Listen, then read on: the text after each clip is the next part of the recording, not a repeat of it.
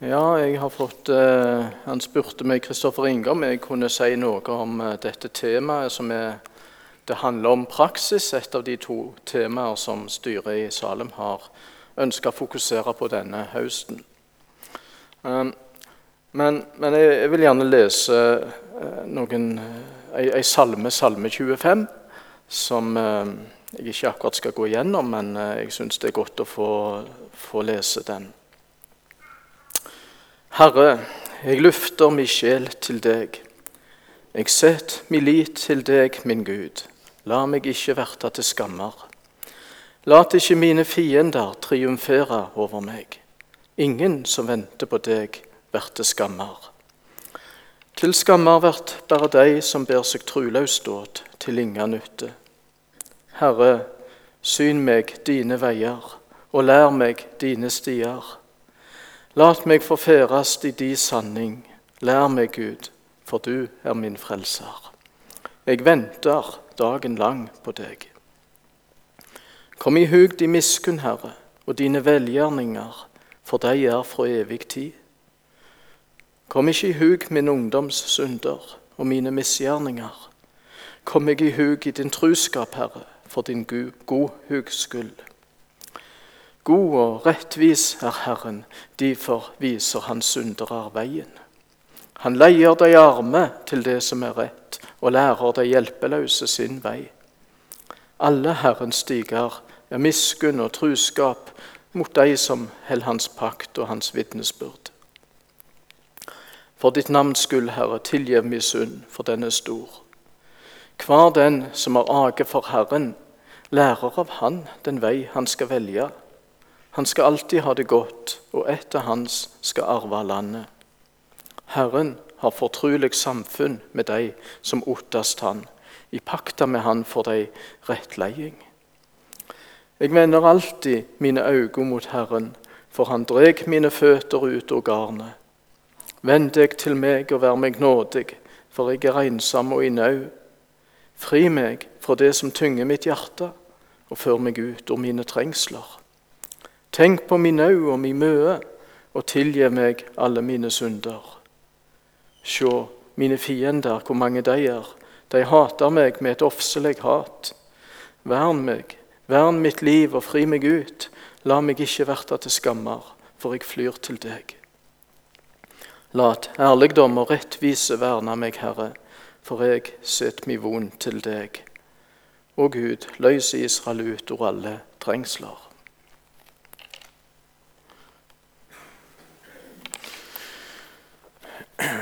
I denne salmen kommer vel David innom det meste av det som jeg har opplevd i mitt kristenliv. Om, å, om en bønn og et ønske å gå på Guds veier. Og eh, om utholdenhet og tålmodighet, om å vente. Om bot, omvendelse og syndsbekjennelse. Om lydighet, om fortrolighet. Guds frykt og alt dette som blir nevnt her, om eh, trøst og utfrielse, styrke, om eh, håp og frelse. Det kommer i vers etter vers. Eh, men vitnesbyrdet som jeg gjerne vil dele i dag, vil jeg begynne med et uttrykk fra Jobbs bok. Han, Jobb tenkte tilbake på ei tid når han hadde det godt. Han var ved god helse. Det hadde lyktes for han i livet. Stor familie, stor eiendom og en respektert posisjon i samfunnet. Men han sier òg noe om hvordan han hadde det med Gud. Og Da bruker han dette uttrykket at eh, Guds vennskap hvilte over mitt helt. Eh, Jobb 29, 14. Og Det ordet som her er oversatt med 'vennskap', er det samme som vi leste her i Salme 25, 14, at Herren har fortrolig samfunn med de som elsker Han. Eh, eller eh, rett ifra det hebraiske uttrykket så står det at det er Guds hemmeligheter er med de som elsker Han. Men det er jo om fortrolighet. Guds vennskap hviler over de som elsker ham. Han åpenbarer sin pakt. Han gir lys til sitt ord. Eh, dette har vært viktigere for meg og er viktigere for meg enn alt annet.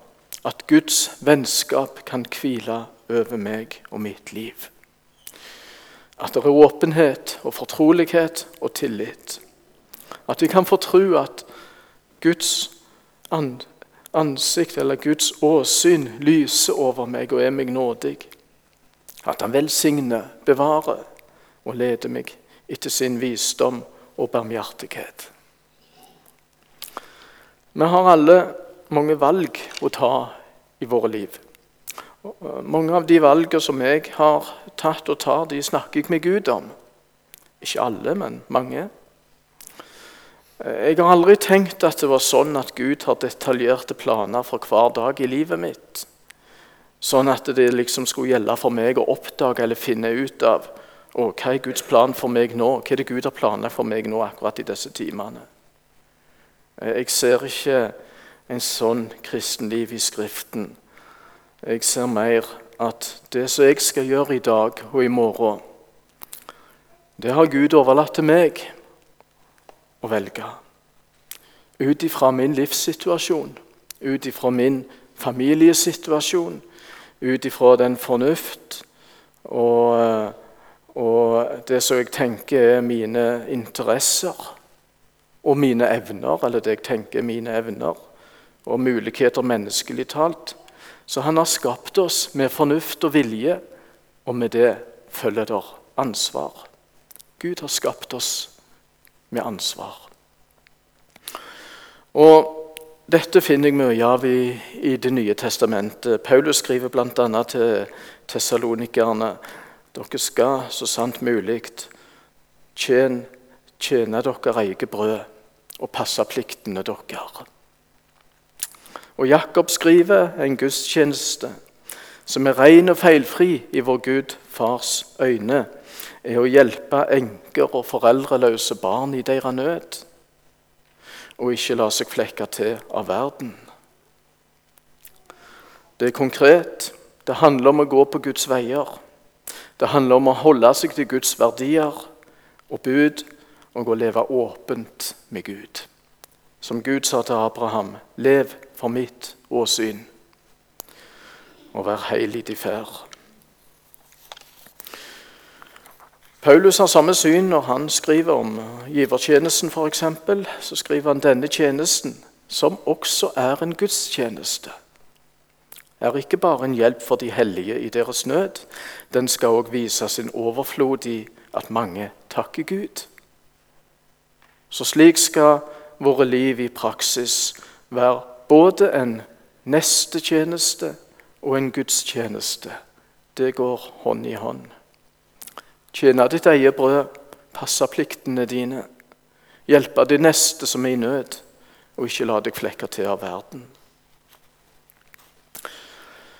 Så er jeg likevel veldig veldig takknemlig for å få snakke med Gud, med min far i himmelen, som Gud sa, som Jesus sa. Jeg får snakke med han om alle ting, smått og stort. Selv en eh, liten ting som hva hilsen skal jeg skrive på et konfirmasjonskort eller bursdagskort, eller hva det nå skal være. Eh, noen ganger så lar Gud oss hvile. Vi, vi får sende opp et sukk eller en bønn til Gud, og så får vi hvile litt, og så kommer det en idé eller et ord. Men som regel så er det ikke meningen at vi bare skal sitte og vente tafatt. Eh, omtrent som når du skal laste ned noe fra Internett, og du liksom bare må vente til du har fått oppkoblingen i, i orden, og så, så, begynner det å strømme ned. Det er ikke så det er tenkt alltid. For han som sa 'be', så skal du få. Han sa òg 'leit', så skal du finne. Han vil vi skal involvere oss bruke vår tanke og evner på samme måte som ikke-truende. Og likevel er det ikke på samme måte, for vi er ikke alene om det. Vi får dele det med vår Gud og vår Herre, og det har vært og er en stor rikdom og trøst for meg. Så det er det mange situasjoner ellers der vi ikke, rett og slett ikke finner ut av ting. Ser ikke veien. Og Der får vi be som en hjelpeløs kong, Josjafat, som vi leser om i andre krønikebok 20. Han var i en pressa situasjon og ba rett og slett Gud, vi vet ikke hva vi skal gjøre, men øynene våre er vendt imot deg. Og det er godt å få be sånn òg. Jeg gjør det ganske ofte. Noen ganger føler jeg at jeg ber litt sånn litt for ofte. For jeg tenker Jeg føler Gud skulle kunne vente av meg at, at jeg sjøl så hva jeg burde gjøre. At jeg var så drevet av Hans kjærlighet og ånd at, at det sa seg sjøl. Men uh, det er ikke alltid sånn. Og det er godt å ha en barmhjertig Gud og Herre. En veldig barmhjertig Gud og Herre. Det trenger jeg. Så hender det noen ganger at eh, vi eller noen andre opplever at Gud ønsker skal gjøre konkrete ting, bestemte ting. F.eks. en blir minnet om å ta kontakt med et bestemt menneske. Eh, gå til en bestemt plass eller ta en omvei, og, så skjer det ting. Eh, velge et bestemt yrke. Det fins mange eksempler på sånne ting, både i Skriften og i historien ellers. Gud handler med oss og gjennom oss på ulike måter. Og det er åpenbart viktig å være lydhør overfor Guds påminnelser. Jeg ber om å få ha et lydhørt hjerte overfor Guds ånd. Eh, så tenker noen at det er sånne spesielle opplevelser som særlig hører inn under Åndens ledelse. Men jeg har måttet fri meg litt ifra den tanken at, at eh, hvis jeg ikke som kristen har slike opplevelser, og helst regelmessig, så, så er det noe galt med meg som kristen. Det tror jeg ikke det er tenkt sånn. For selv om Den hellige ånd leder noen ganger på sånne måter, så er ikke dette mer åndelig enn den helt konkrete veiledningen som Den hellige ånd gir oss i Bibelen, slik vi så eksempler på i stad. Paulus han skriver enkelt og like til. Be for konger og alle som har en høy stilling, så vi kan føre et stille og fredelig liv som er preget av Guds frykt og vinner respekt. Det har for meg vært et godt perspektiv på et, eh, si, et normalt kristenliv. Så ser vi òg både i evangeliene om Jesu og apostlenes virke og i, i apostlenes gjerninger og i brevene at det er et samspill mellom et sånt skal vi si, et normalt kristenliv og de som blir tatt ut til å gjøre en lønna tjeneste i menigheten eller blir sendt ut for å forkynne evangeliet andre plasser, i andre land. Et samspill som Paulus utvikler i Romerbrevet 10. Noen må bli sendt. Ja, noen må bli sendt. Og noen må sende. Noen må sende. For ellers så vil, ikke, så vil det være noen som ikke får høre evangeliet om hva Jesus har gjort. At Gud sendte Jesus som vår frelser. Noen må bli sendt, og noen må sende. Og Jeg kan ikke se for meg hvordan jeg skulle være en Jesu disippel eller en kristen uten å være en del av et fellesskap som lever ut dette kallet. Hvordan skulle jeg kunne takke Gud for frelsen og nåden om jeg ikke var med i et fellesskap som etter Jesu djupeste vilje og, og uttalte ønske om at uh, dette budskapet må dere dele med alle folkeslag i hele verden. Så i alle ting, i alle forhold, har det viktigste for meg og er, er dette at Guds vennskap kan hvile over mitt liv og mitt telt så, så jobb så. At jeg ikke tar noen valg som utfordrer Gud ikke tar noen valg som utfordrer og ødelegger vennskapet og fortroligheten med Gud. Ikke noe må få komme inn i mitt liv som jeg ut ifra Guds ord, Den hellige ånds påminnelser, forstår dette blir feil. Dette, dette er galt. Dette er ødeleggende. Det har derfor vært eh, f.eks. musikk jeg har måttet legge vekk, eller bøker jeg har hatt lyst til å lese i en serie, men, men, det har vært et språk og et innhold som jeg, jeg, har forstått. Jeg må legge det vekk. Det har vært serier på TV jeg har måttet slutte å se på. For jeg kan ikke la meg underholde av, av banning og grovt snakk eller umoral og bestialsk vold. Jeg kan ikke elske og la meg underholde av det som en Gud hater og avskyr. Eller det som vanærer hans navn. Det er min frelser, lei for og ga livet sitt for, for å fri meg ifra, fordi det ville føre meg til fortapelsen. Det må være sånne ting Johannes tenkte på når han skrev. Vennskap med verden er fiendskap imot Gud. Slik Jesus òg kalte Guds fiende og motstander. Han kalte han for denne verdens Gud. Han som forfører hele verden, som det heter i Johannes' åpenbaring. Så har jeg noen ganger, kanskje ofte, for ofte vært for sein. Skulle ha skrudd av tidligere. Skulle ikke ha klikka på den linken. Skulle ikke ha ledd med av de vitsene. Skulle ha sagt mer, vitna mer. Vært mer heil i min ferd, som, som, eh, jo, som eh, Abraham fikk som et kall. Det var mange svik. Men det har vært sånn for meg, som jeg ser i Skriften ellers. Den som vender om, den som bekjenner sin synd, møter nåde. Eh, den derimot som vil fastholde sin kjærlighet og sine bånd til det ødeleggende og det syndige, mister vennskapet med Gud. Og da er alt tapt. Det er bånd som må brytes om vi vil høre Jesus til. Vennskap med verden kan ofte bli fiendskap mot Gud. Det som har berga meg, er jo det samme som jeg ser har berga andre. Jesus sa når han ba til Faderen, de ord som du ga meg, de har jeg gitt dem. Og de har tatt imot dem. Og de har erkjent og bekjent at jeg kom fra deg, og du har sendt meg. Det er Faderens ord. Det er Guds ord.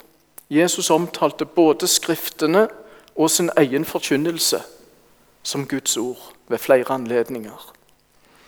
Han hadde en voldsom respekt for og tillit til Skriftene.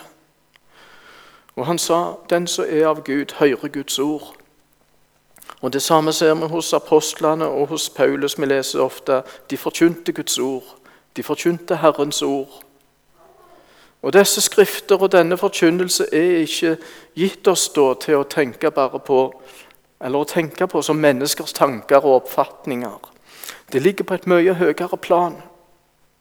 Og det ligger også på et mye høyere plan enn et vitnesbyrd eller en tale av en kristen bror og søster etter apostlenes tid. For som truende, sier Paulus, er vi bygd opp på apostlenes og profetenes grunnvoll med Jesus Kristus som hjørnestein. Så der ligger Jesus Kristus i bånn som hjørnestein, og så har du apostlenes og profetenes vitnesbyrd. Så blir det et byggverk. Der er en kristen bygd opp. Der er Jesu menighet bygd opp. Så det ord og det budskap som Guds ånd har gitt de som talte og skrev det. Jeg ser i hebreerbrevet av og til når et skriftord blir sitert, så innledes det med denne setningen som Den hellige ånd sier. Da er det verdt å lytte til. Det er perspektivet på Bibelen som Den hellige ånd sier og taler til deg. Paulus gleda seg over de truende i Tessalonika. De hadde forstått det. For, sier han, når dere fikk overgitt det Guds ord som vi forkynte, så tok dere imot det ikke som menneskeord, men som det Guds ord, som det i sannhet er.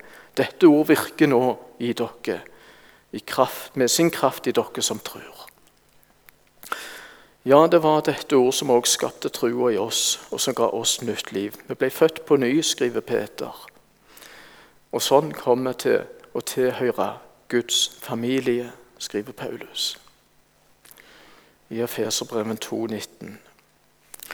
Hvis vi leser Bibelen, så, så fin litteratur det enn kan være, og, og interessante fortellinger og, og slønn Hvis vi bare leser det som interessant litteratur og som menneskers livsanskuelser eller religiøse uttrykk, og ikke lytter til det og ikke tar imot det som Guds ord, ja, men da skjer jo ikke det som skulle skje.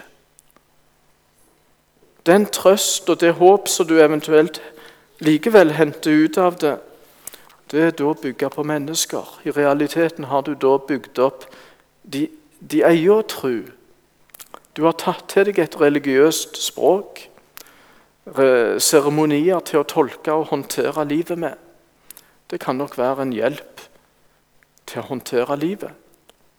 Men vi blir ikke frelst sånn. Det blir ikke født en ny glede og tilbedelse, etterfølgelse. Det skapes ikke et hjerte som elsker Gud. Det er ingen bekjennelse 'min Herre og min Gud'. Den sanne relasjonen mangler vennskapet med Gud. Fortroligheten. Du er ikke født inn i Guds familie. For skal det skje, da må du høre og lese og ta imot det som Guds ord, som Guds meddelelse til deg. Guds åpenbaring av seg sjøl og sin frelse for deg. Jeg har av og til tenkt på Lukas når han samla stoff og skrev fortellingen om Jesus til sin venn Theofilus. Sikkert òg med hensyn til Theofilus sin menighet. Det var allerede skriver han, mange som har samla sammen og, og, skrevet opp fortellingen om Jesus. Men, men, han ville sette det inn i en større sammenheng. Han ville ha med litt, litt mer. Han ville ta med hva tid skjedde dette? Hvor skjedde det? Hva mennesker var til stede? Det skulle være etterrettelig. Og Jeg tror ikke Lukas da tenkte at dette var, det skulle bli Guds ord for kommende slekter. Jeg tror ikke han visste det. Det samme gjelder når han senere skrev apostlenes gjerninger. Han var opptatt av å være grundig, etterrettelig, gi en sann og troverdig framstilling av Jesus, hans liv, hans budskap, hvordan den kristne menighet ble til, hva apostlene forkynte, og hvordan Gud kalte Paulus, og hvordan Gud ledet han og hjalp han og hans medarbeidere. Han gjorde et stykke arbeid der som han så som nyttig og helt nødvendig. Det var en tjeneste som han kjente seg drevet til å gå ut ifra.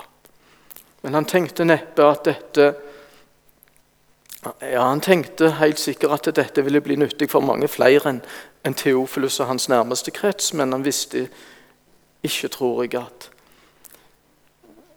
at i den usynlige bakgrunnen så var Gud og virka. Og og Gud han tenkte både på Teofilus og hans menighet, men han tenkte òg på kommende slekter. Gud tenkte på oss. Det var Guds ånd som på denne måten forberedte og genererte, eller skapte, en del av Guds ord for oss, til oss. Og Gud sørga òg for at det, på, det ble overlevert av, eh, av trufaste og pålitelige kristne så på et ganske tidlig tidspunkt så forsto og erkjente de Guds menighet. Dette, dette har Guds ånd virka.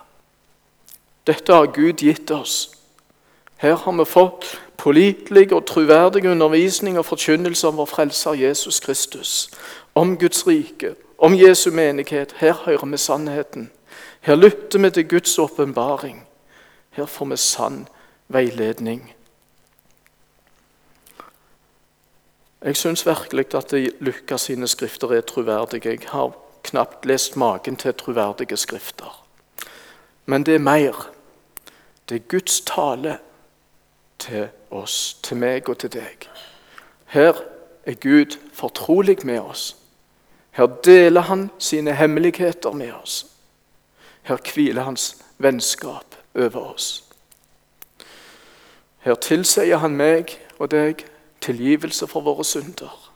Her gir han meg det evige livet. Her lover han meg å bevare meg og være med meg.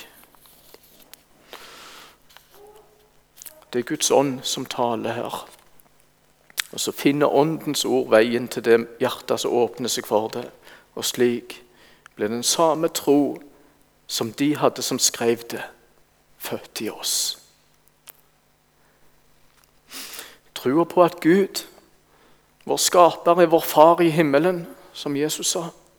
At han ser oss, han hører oss. Han har bestemt seg for å gi oss rike, som Jesus sa.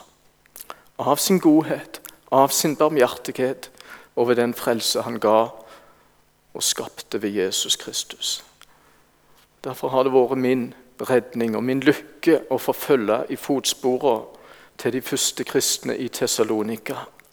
Jeg fikk åpne meg jeg òg for dette ordet, og det skapte trua i meg. Jeg fikk ta imot det og fortsette med det. Ta imot det som Guds ord, og så bevare det. Så ledet det meg, og så har det gjort meg uendelig rik. Uendelig rik. Rik i Gud, som Jesus sa. Gud har delt sin største hemmelighet med meg. Han har lovt meg del i sitt eget rike. Det er ufattelig stort.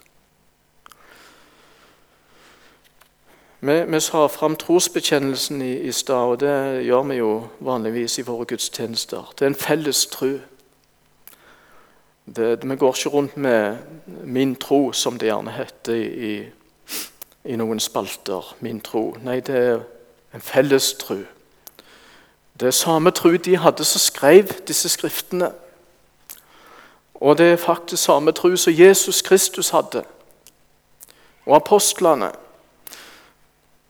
Og samme tro som de hadde, som, som erkjente og forsto hva skrifter det var som skulle høre med, og som, som, var sånn gitt oss av Guds ord, eller av Guds ånd, som, som var Guds ord, på en spesiell måte. Det er en felles tro.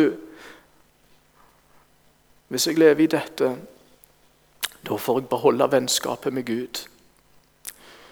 Har jeg samme tro som Jesus hadde, så betyr det ifølge Jesus sjøl at hans Gud er min Gud, og hans far er min far. Jeg får tilegna meg Jesu egen tro og tillit til Skriftene og til Faderen. Fordi Jesus ved sin død for mine synder forsonte meg med Gud, så får jeg følge Jesu vei til Faderen. Det finnes ikke noe større. Så er det nok av ting jeg ikke forstår.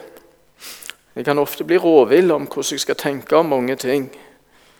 Og Noen ganger så har det vært godt for meg å bekjenne trua personlig for min Gud og for Frelser. Jeg får si personlig til Gud. Jeg bruker trosbekjennelsen som vi har felles, og sier jeg tror på deg, Gud. Fader, du allmektige. Jeg tror du skapte himmel og jord. Og videre, jeg tror på deg, Jesus Kristus. Du Guds enbårne sønn, min Herre, jeg tror du ble unnfanget av Den hellige ånd og født av jomfru Maria osv. Jeg tror på deg, Hellige ånd. Jeg tror på syndenes forlatelse. Jeg tror på legemets oppstandelse. Jeg tror på det evige liv. Så får jeg si et amen. Og Sånn får jeg følge oppfordringen fra hebreerbrevet, som sier 'hold fast på bekjennelsen av troa dere og håpet dere'. Det er ikke meint at vi skal gjøre dette bare alene. Det fins unntak, jeg vet det. Jeg er glad for alle radiosendinger som kan nå inn til helt lukka land. Og det er noen som bare må gripe det og venne seg til Gud alene. Det er sant. Eller i sykdom, eller hvordan det er. Men vanligvis så har Kristus han har ved dåpen og nattværen bundet oss og knytta oss til sin menighet. Og ved å gi sine nådegaver til menigheten så har han òg gjort oss avhengige av den. Så jeg, jeg går meg rett og slett vill hvis jeg holder meg borte fra det fellesskapet som han skapte meg i, og som han døpte meg til å tilhøre. Det blir fort at jeg tenker, jeg har for store tanker om meg sjøl og tenker overmodige tanker. Og, og, og, det kan bære helt galt av sted. Men den som holder seg til Guds ord og lytter til Åndens stemme og lar seg være avhengig av det kristne fellesskapet, som, som Skriften kaller Kristi legeme, kan jo ikke holde oss vekk fra det. Men den vil ikke gå seg vill. Det er sånn vi blir bevart og velsigna. Utrusta og veileda og leda til på ulike måter å følge Han og, og tjene Han. Det som vi så gjerne vil. Dette fellesskapet har velsigna meg og veiledet meg og bevart meg på mange, mange vis. Det er så mange salmer, sanger, så mange vitnesbyrd. Noen av de har jeg fått hørt her. Det, det er gode bøker, det er grundige bibelundervisning, bibelstudier. Det er gode samtaler i ei bibelgruppe. Det er bønnefellesskap. Jeg har hatt så stor nytte av det alt sammen. Og Ofte har jeg hatt lyst til det, lyst til å lese Guds ord, lyst til å møte brødre og søstre i, i Herren Jesus. Andre ganger har jeg hatt lyst til å gjøre andre ting. Men skal vi vinne, sier Bibelen, så, så er det en, en uh, truskamp å utkjempe. Sånn er det i denne verden. På gravsteinen til mor mi så står ordene fra apostelen Paulus. Fullført løpet, bevart troen. Hun holdt seg nær til Gud og sin frelser, og hennes Gud og frelser holdt seg nær til henne sånn som han har lova. Svigermor mi døde nylig. Et av hennes siste vitnesbyrd var dette. Fra Jesu kors går det en vei hjem. Og ved korset får jeg legger av alt det som vil belaste meg. Da er det mulig for alle å være en kristen, en troende.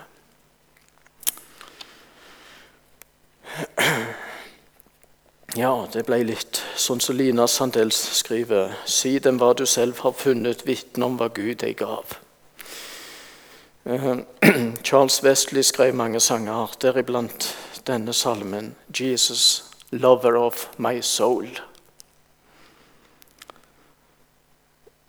Er ikke det fantastisk at eh, Når du ikke lenger kan noen ting Vi kommer dit av og til, eller alle. Du ikke har noe å vise til eller vise fram, eller så elsker Gud meg like høyt. For det er meg som menneske og person, som han skapte, som han elsker og rett og slett har valgt å elske. Og hele mitt liv har han sagt, og vil fortsette å si, kom, kom på ny, kom i dag òg. For uh, jeg har bestemt meg for å gi meg del i ditt rike. Da får jeg respondere som Thomas. Min Herre og min Gud. Skriv deg, Jesus, på mitt hjerte. Du min konge og min Gud, at ei lyst, ei heller smerte, de formår å slette ut. Denne innskrift på meg sett, Jesus ifra Nasaret den korsfestede. Min ære og min salighet skal være. Amen.